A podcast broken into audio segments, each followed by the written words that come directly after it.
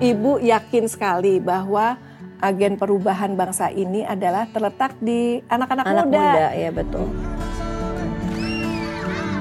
98% anak-anak dari Siti Arsa Foundation SMA Unggulan masuk ke perguruan tinggi negeri. Iya. Sebagian dari mereka juga dikirim ke ada yang ke Cina, Iya. ada yang ke Amsterdam, Betul. ada yang ke Jepang. Betul. Semua orang mempunyai hak untuk sukses.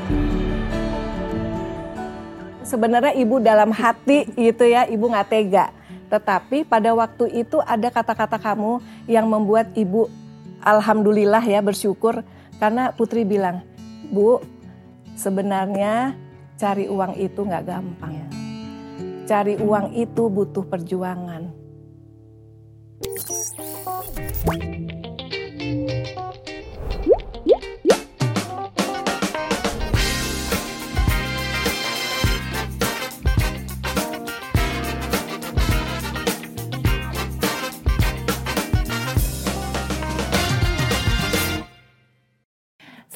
Di Ngobrol Sore Semaunya bersama aku Putri Tanjung. Hari ini beneran super spesial karena aku akan ngobrol-ngobrol sama orang nomor satu di, di hidupku. Segala-segalanya buat aku. Kemarin udah sempat ngobrol sama Bapak. Jadi kali ini dalam rangka Hari Ibu, aku akan ngobrol sore semaunya bersama Ibu.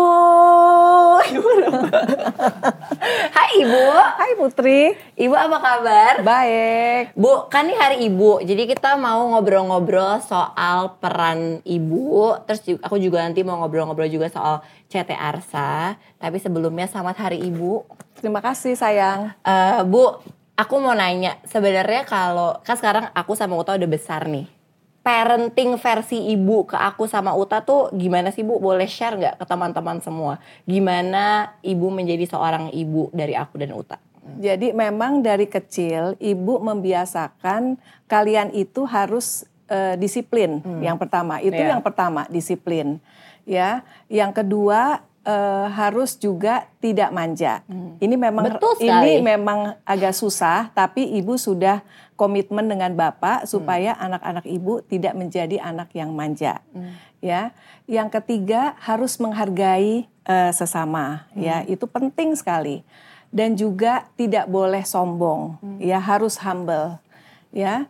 Dan yang terpenting sebenarnya nih Putri itu adalah sebagai eh, eh, anak ibu putri dan putra itu harus eh, apa menjalankan eh, sholat lima waktu ya dan putri kan tahu ya kita ngaji setiap Iya. Sabtu dan Minggu itu menjaga putri supaya anak-anak ibu di jalan yang benar. luar biasa.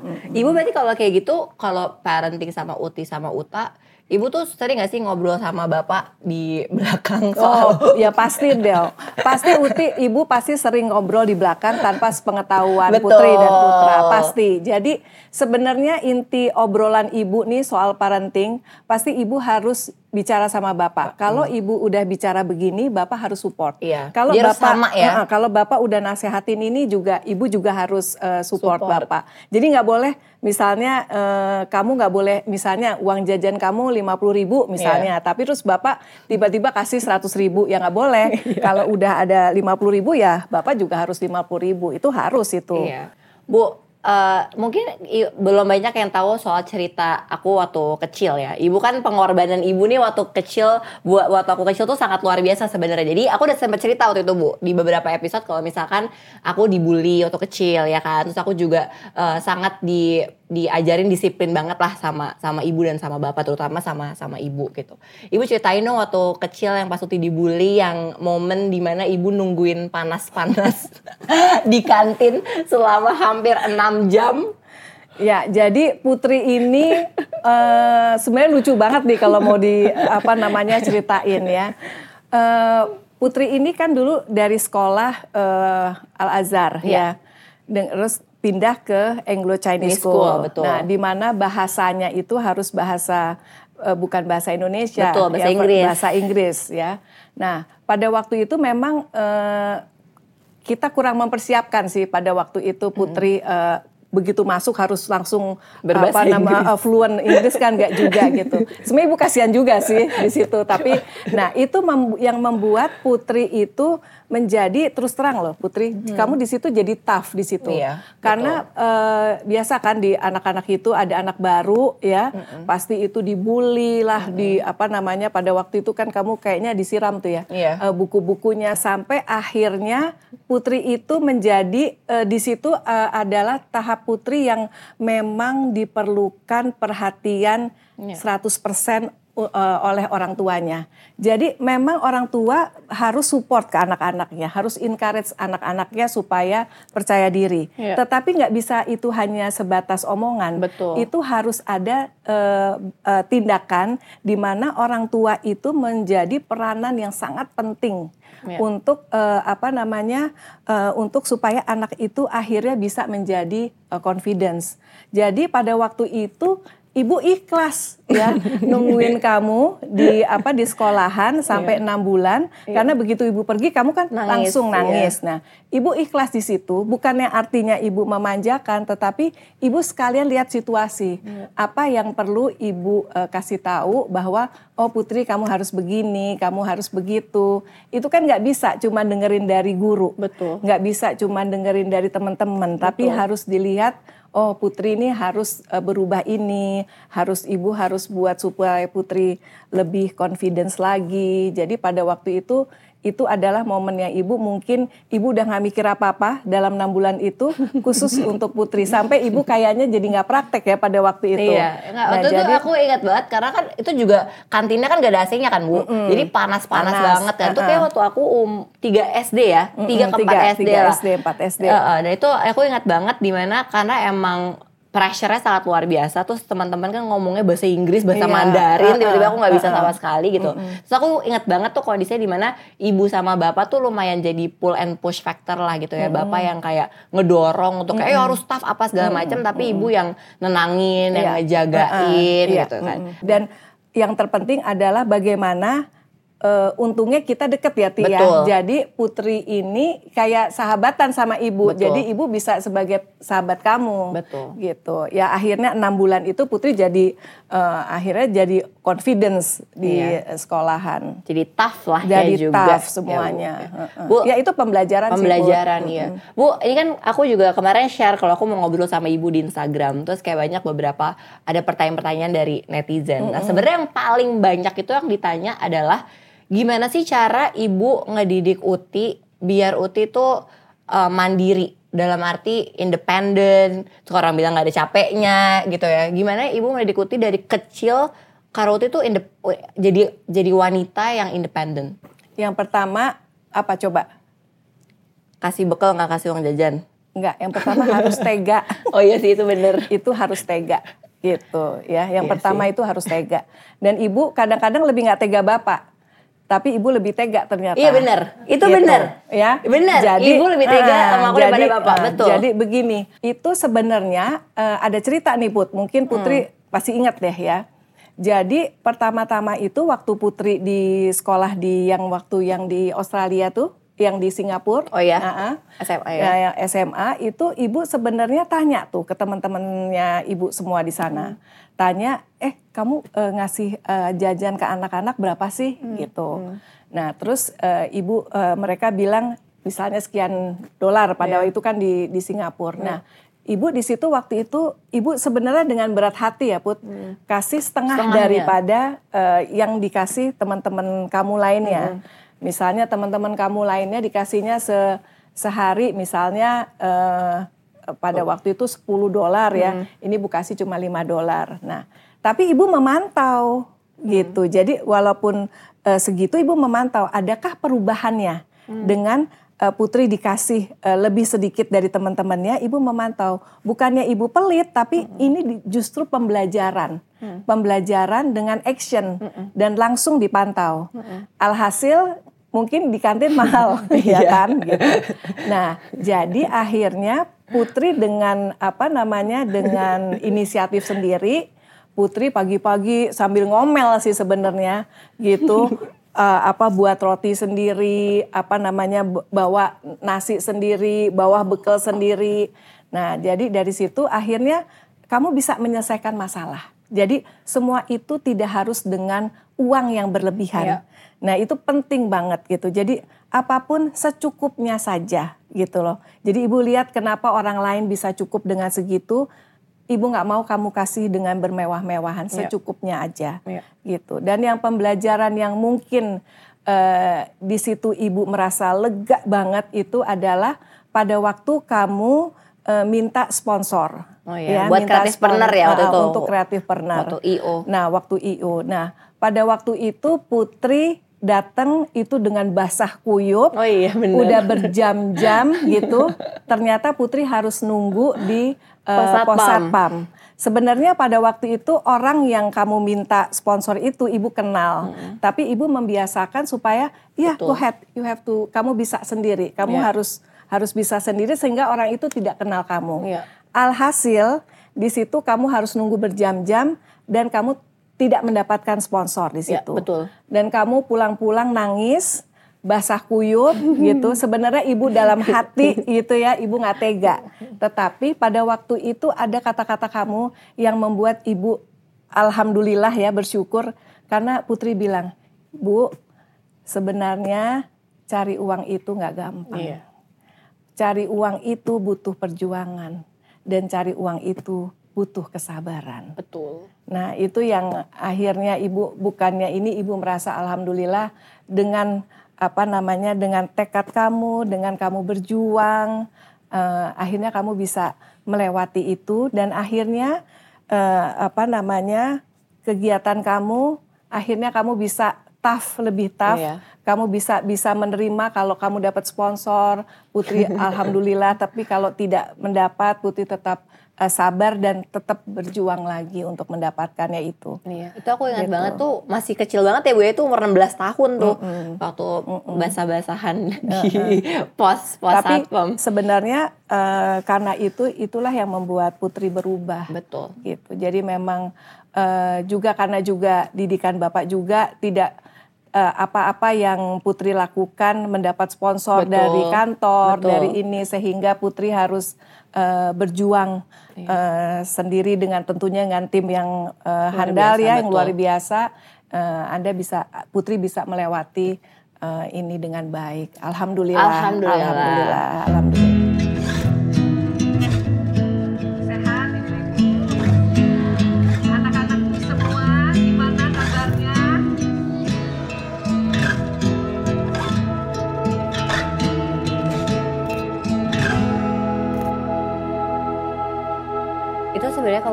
Soal empati dan berbagi itu aku belajar banyak dari ibu sih karena kan ibu memang sekarang memang fokusnya gitu ya hidup ibu tuh kan untuk CT Arsa Foundation kan.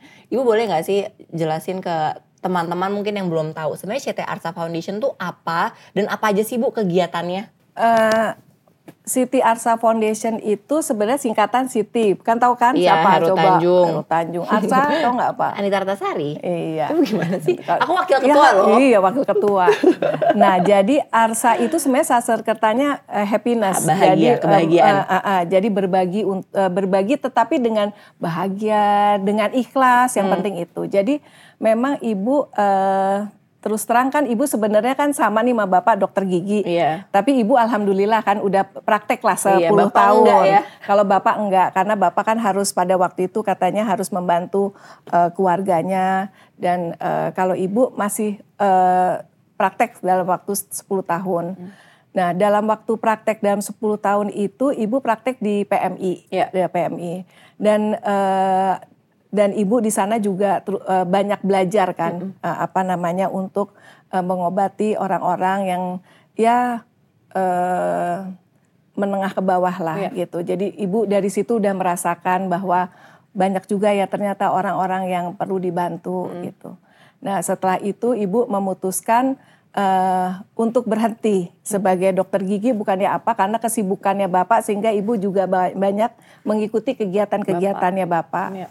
Nah eh, pada waktu itu tahun 2004 itu ada tsunami di Aceh, Iya. ya tsunami di Aceh dan eh, kita ngebawa kurang lebih 600 anak-anak korban tsunami.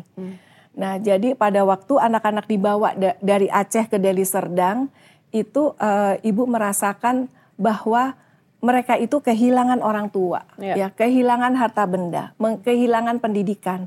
Nah dari dari situ ibu merasa kita harus bantu ini, ya kita harus bantu. Nah akhirnya mereka kita sekolahkan yang namanya rumah anak madani, Ya. ya. Sehingga itu dari ada yang kelas 4, ada yang kelas 3 gitu ya. Mereka kumpul di namanya rumah anak madani dan akhirnya mereka eh, apa sekarang bisa lulus eh, kuliah dan menjadi orang-orang yang bisa memutus mata rantai kemiskinan untuk orang tersebut, untuk anak tersebut, untuk keluarganya dan akhirnya untuk masyarakat. Ya. Jadi sebenarnya visi dari CT Arsa Siti Arsa Foundation itu adalah memutus mata rantai kemiskinan dengan pendidikan, Pendidikan. yang berkualitas dan kesehatan yang optimal. Ya.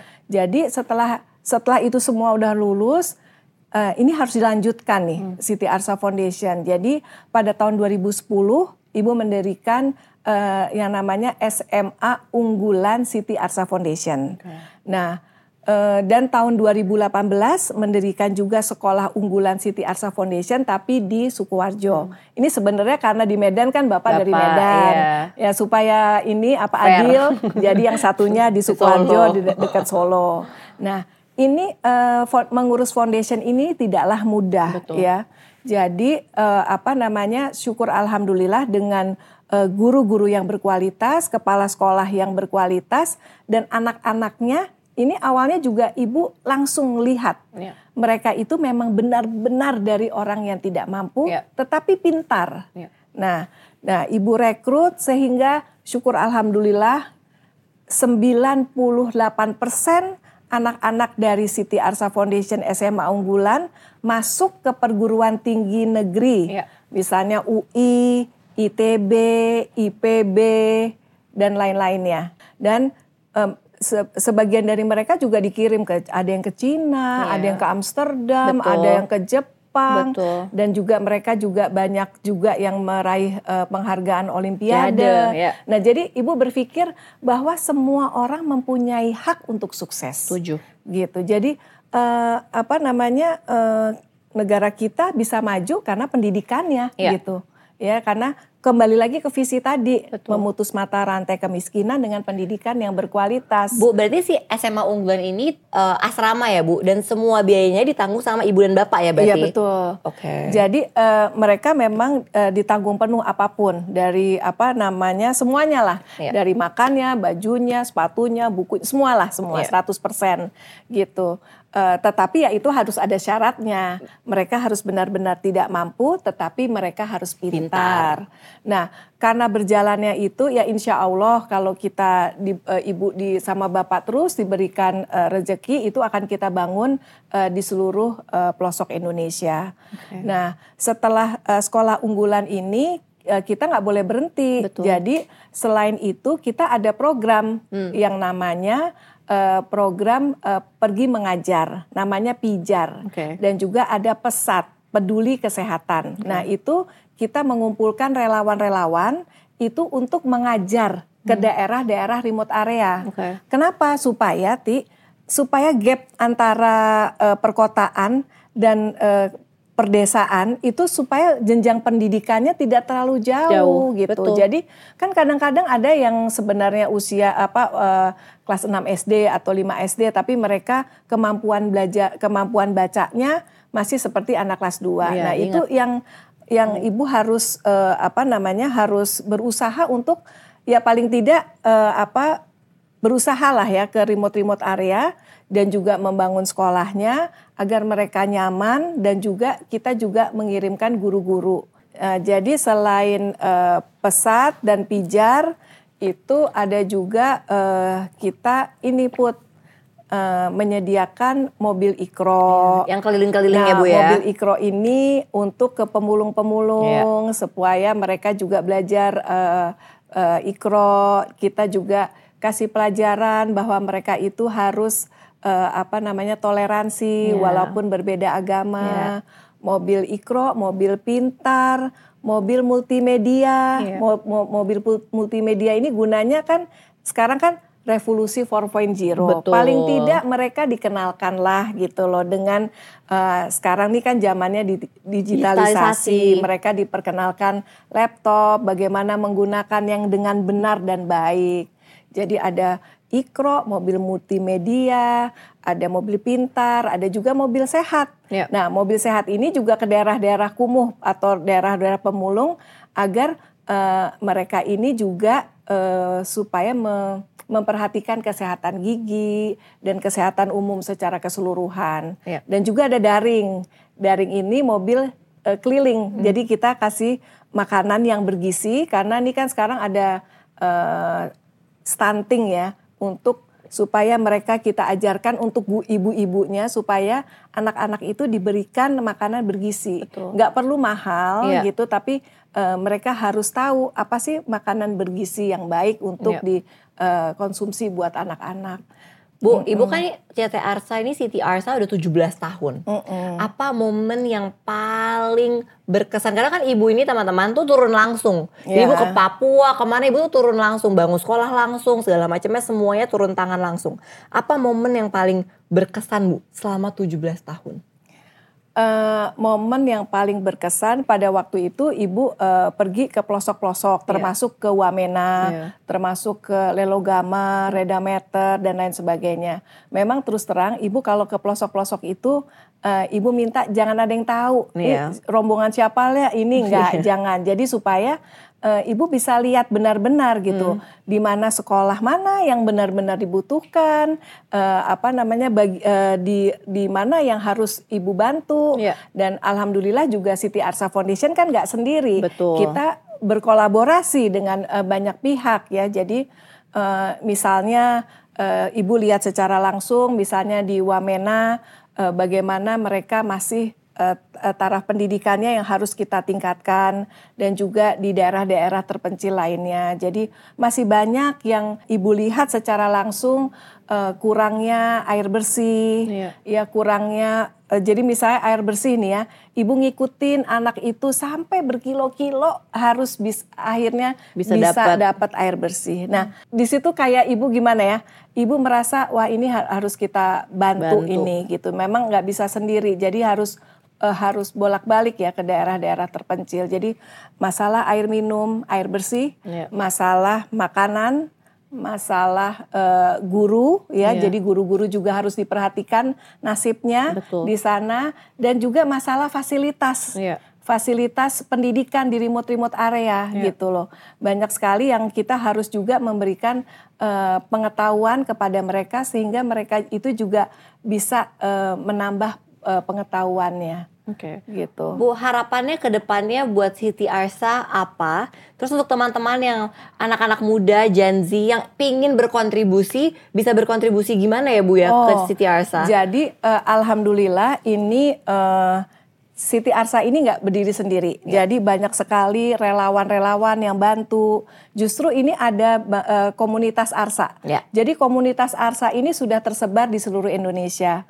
Mereka ini berbagi dengan ikhlas, ya. Benar-benar relawan loh nih. Iya. Nggak ada mereka eh, apa namanya. eh, Misalnya ada harus bayaran sekian sekian enggak. Ya. Itu mereka turun langsung dan mereka eh, apa dengan hati yang gembira gitu mereka komunitas-komunitas ini itu mau ikut membantu daerah-daerah yang di tempat mereka. Ya. Jadi misalnya di daerah Jawa Timur, ya misalnya di Jawa Tengah, Sumatera, Sulawesi, bahkan sampai ke Irian. Jadi mereka itu adalah kepanjangan tangan daripada Siti eh, Arsa. Siti Arsa Foundation. Berbagi itu untuk anak-anak muda nih karena ibu ini loh lihat anak-anak milenial ini luar biasa. Biasa loh. banget, iya. Luar biasa ibu tuh ngelihatnya eh, Semangat banget ya, Bu, untuk semangat. berbagi ya. Ibu bangga banget sama Iya, mereka ya. Mereka juga tinggi. semangat, empati luar biasa. Nah, hal tersebut makanya ibu mau mereka ini eh, sama-sama kita gabung dengan para relawan, dengan milenial bahwa berbagi itu adalah sesuatu yang trendy. Iya. Jadi nggak hanya misalnya nih pergi ke luar negeri, ke kafe itu Betul. trendy, tapi berbagi, eh, membagikan ilmu pengetahuan ke anak-anak yang tidak mampu itu juga keren loh, Ti, Iya. gitu. Jadi ibu memang membuat eh, apa namanya Siti Arsa Foundation membuat komunitas-komunitas itu terutama untuk anak-anak muda. Karena gini, ibu yakin sekali bahwa agen perubahan bangsa ini adalah terletak di anak-anak Anak muda, muda, ya, betul. di usia-usia seperti kamu, anak-anak muda itu agen perubahan. Ya. Nah, gimana caranya supaya agen perubahan ini untuk negara ini menjadi lebih maju? Ya pendidikan Iya. gitu. Jadi ya nggak nggak mudah, tetapi ya sama-samalah kalau kita berusaha, mudah-mudahan paling tidak sedikit bisa membantu mereka. Oke, jadi tadi teman-teman kalau misalkan uh, pingin membantu bisa lihat Instagramnya Siti Arsa Foundation atau juga bisa uh, lihat di Instagramnya Komunitas Arsa ya Bu ya. Iya, Karena situ oke. nanti ada banyak kegiatan. Nanti teman-teman kalau misalkan pingin ikutan, pingin pingin ikutan donasi atau berbagi atau apa pun itu, kalian bisa cek langsung di Instagramnya. Iya sekarang Siti juga Arsa kan Foundation. eh, ini kan ada gempa Cianjur, ibu juga baru balik dari sana ya. Jadi sekarang ini memang banyak sekali eh, apa namanya bencana-bencana yang kita alami. Nah ini juga kita bergerak tidak lain juga dengan eh, banyak relawan. Jadi ibu juga sangat terima kasih sekali dengan eh, para relawan, para donatur yang sama-sama ngebantu eh, Siti Arsa Foundation. Jadi ibu nggak sendiri, banyak Iya. yang ngebantu. Syukur alhamdulillah. Syukur alhamdulillah. Heeh. Oh iya, sebenarnya ada satu lagi. Apa, Bu? Yang UMKM. Oh iya, Nah, benar. Putri kan Itu sekarang juga kan lagi untuk UMKM. UMKM. Nah itu ibu juga eh, apa namanya memperhatikan UMKM UMKM di daerah terpencil. Iya. Nah nanti eh, tapi itu memang ibu harus perhatikan eh, sekali untuk kualitas dari eh, pekerjaannya mereka. Iya, itu memang produk-produk juga yang dihasilkan butuh ya. harus butuh waktu ya. Iya. Nah dari situ eh, hasil yang terbaik itu bisa disalurkan baik di hotel, baik di misalnya di metro atau Iya. misalnya di Transmart, di pojok apa untuk UMKM. eh, UK UMKM.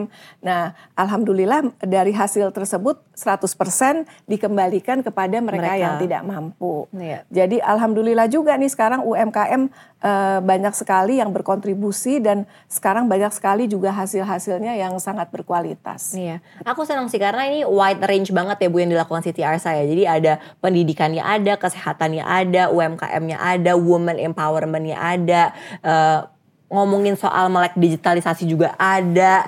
Em, jadi banyak apalagi kalau misalkan ada bencana atau apa pun itu Siti Arsa salah satu yang menurut aku paling cepat lah ya untuk menanganinya dan Insya Allah. dan apa namanya memberitahu teman-teman gimana caranya bisa mendonasi eh, dengan baik gitu. Iya karena sebenarnya eh, ini kan begitu ada bencana memang kita kan udah juga eh, kerjasama dengan pemerintah ya. Betul. Jadi kita juga banyak sekali dibantu oleh pemerintah gitu. Iya. Kalau misalnya seperti bencana alam gitu, kita dibantu oleh eh, angkatan laut, eh, bahkan juga angkatan darat, udara, kepolisian, kita dibantu ya. Iya.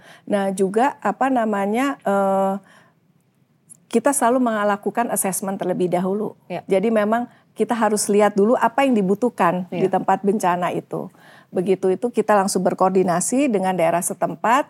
Nah itu alhamdulillah selama ini ya alhamdulillah bantuan itu langsung langsung ke Iya, apa langsung ke yang membutuhkan. mereka yang membutuhkan. Bu, tadi kan ibu udah ngomong udah banyak banget yang dilakukan sama Siti Arsa. Gimana cara ibu membagi waktu ke semuanya? Maksudnya membagi waktu Siti Arsa, ibu juga ada duta bangsa, terus ibu juga ada uh, putri dan putra. Bapak juga. Ada bapak, ada bapak. Oh ya ada bapak juga. Jangan lupa. Jangan lupa ada bapak. Gimana cara ibu mengatur waktu? Eh, sebenarnya kalau itu ya natural aja Natural ya. aja oh, ya, nggak ya? perlu kayaknya ini pusing ini segala macam enggak.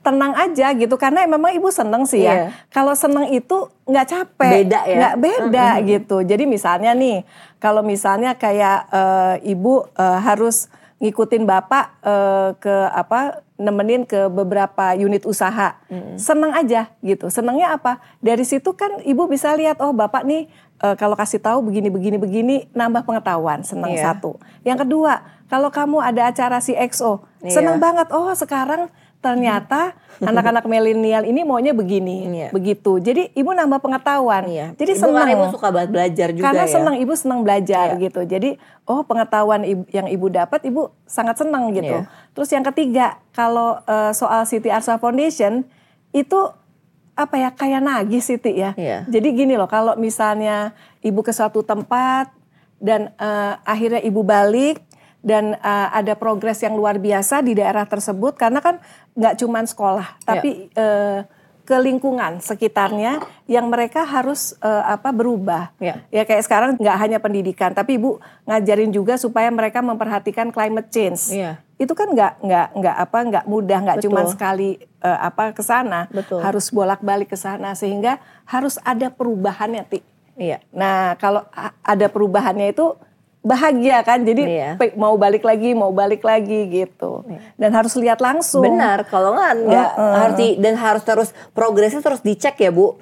Jadi nggak Iya. bisa cuma sekali ke Iya, sana. jadi dan yang yang ibu bahagia, bapak sangat mendukung, putri sangat mendukung dan juga putri akhirnya juga eh, bantu buat sekolah, Iya. buat orang-orang yang tidak mampu dan putra juga banyak sekali ikut eh, apa namanya kegiatan-kegiatan ibu, Iya. Eh, bahkan sampai ke pelosok-pelosok. Nah itu semua ibu merasa bersyukur dan ibu yakin bahwa kalau kalian juga ikut ke pelosok, kalian menjadi anak-anak yang eh, insya Allah bersyukur Iya. Kepada Allah Subhanahu Wa Taala. Jadi put ibu tuh apa namanya jadi sehat terharu. No. jadi gini loh ya, kan eh, Putri udah banyak bantuin bapak, Iya. ya kan, banyak bantuin bapak di eh, perusahaan segala macam. Putri kan udah komit sekali untuk bantu-bantu bapak. Tetapi jangan lupa ya, eh, intinya adalah warisan itu tidak hanya berupa harta, ya, tapi warisan itu adalah bagaimana kamu bisa eh, melanjutkan foundation yang sudah ibu rintis selama 17 tahun. Jadi kamu harus komit bahwa foundation ini harus bisa lebih besar dan besar lagi eh, di tangan anak-anak ibu. Itu kenapa Allah itu ngasih eh, rezeki buat kita. Pasti ada sesuatu. Iya. Kita bisa nggak meng- me- amanah ini kita lakukan buat orang-orang yang susah. betul. Nah itu ini adalah ujian buat kita Iya. ujian buat kita. Jadi Uti nanti harus bisa eh, ngelanjutin ya. Kalau ibu udah nggak ada, ngelanjutin eh, CT Arsa Foundation dan harus bisa lebih membuat manfaat untuk orang-orang yang nggak mampu. Amin, amin, ya. amin, amin, Gitu. amin, ya, amin. janji ya. Janji dong.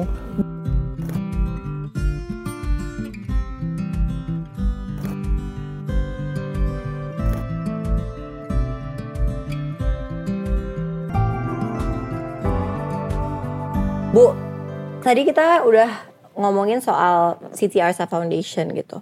Tapi mungkin karena ini hari ibu, aku agak balik sedikit kita ngomongin soal soal ibu gitu ya.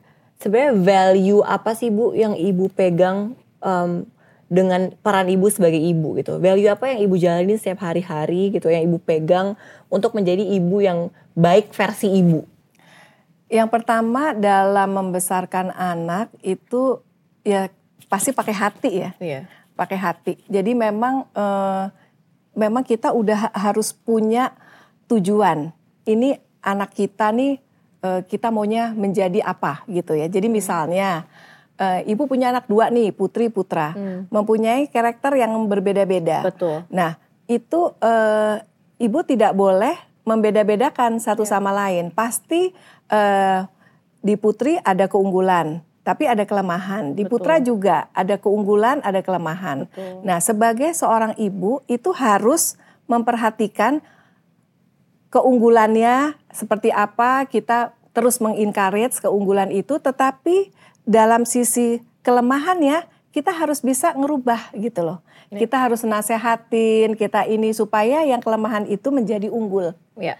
gitu. Jadi eh, itulah peran orang tua. Jadi harus apa dan juga harus menjadi sahabat. Betul. Sahabat untuk anak-anaknya. Iya. Harus dekat ke anak-anaknya, harus anak-anaknya juga harus eh, nggak bete kalau dideketin orang tuanya. jadi mau apa? Mau cerita, Iya. mau curhat gitu ya. Jadi eh, dengan mereka curhat, gitu kita tahu bahwa eh, eh, apa namanya kita harus membimbing mereka Iya. tanpa kita mera, me- apa tanpa kita mengetahui mereka nggak bisa kita nasehatin Iya. gitu kita nasehatin terus kan nggak bisa jadi kadang-kadang nih mendidik anak nih ada tarik ulurnya Iya. gitu loh ya Ibu udah mengenal aku 26 tahun, ya kan ibu yang melahirkan ya, Eh, dan ibu yang mungkin adalah salah satu orang yang paling eh, tahu aku lah ya gitu, dan ibu adalah orang yang juga punya perasaan-perasaan kadang-kadang. Walaupun aku nggak cerita tapi ibu tahu aja kayak misalkan aku lagi kenapa lagi apa tuh pasti ibu tahu. Mungkin tuh karena perasaan seorang ibu yang begitu sangat kencang ya sama anaknya. Ibu ada nggak pesan-pesan atau pengingat buat Uti khususnya buat Uti Em, biar Uti inget terus nih ibu ada nggak pesan-pesan buat Uti di hari ibu ini Di hari ibu, oke. Di hari ibu eh, pesan-pesan ibu ke putri, ya.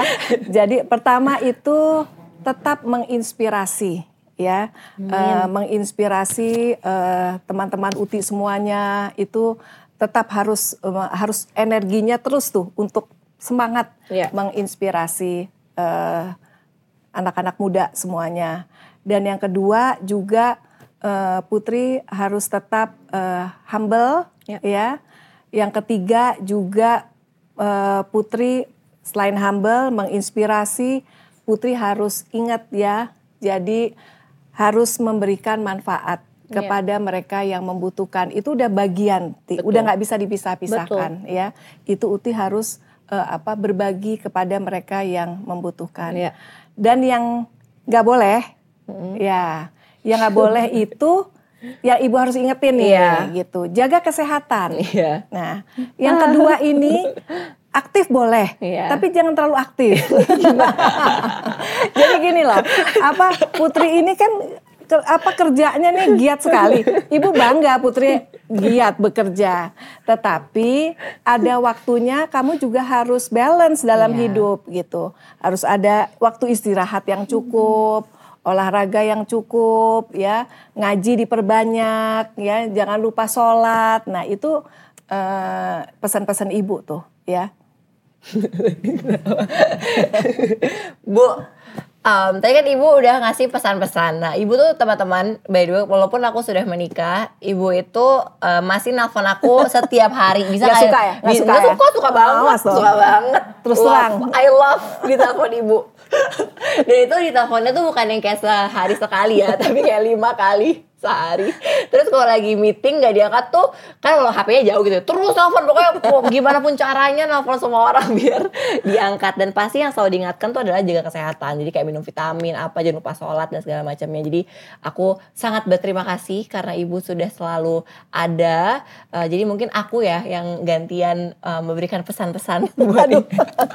pesan positif. Pesan positif Ah, buat ibu. Harus pesan positif.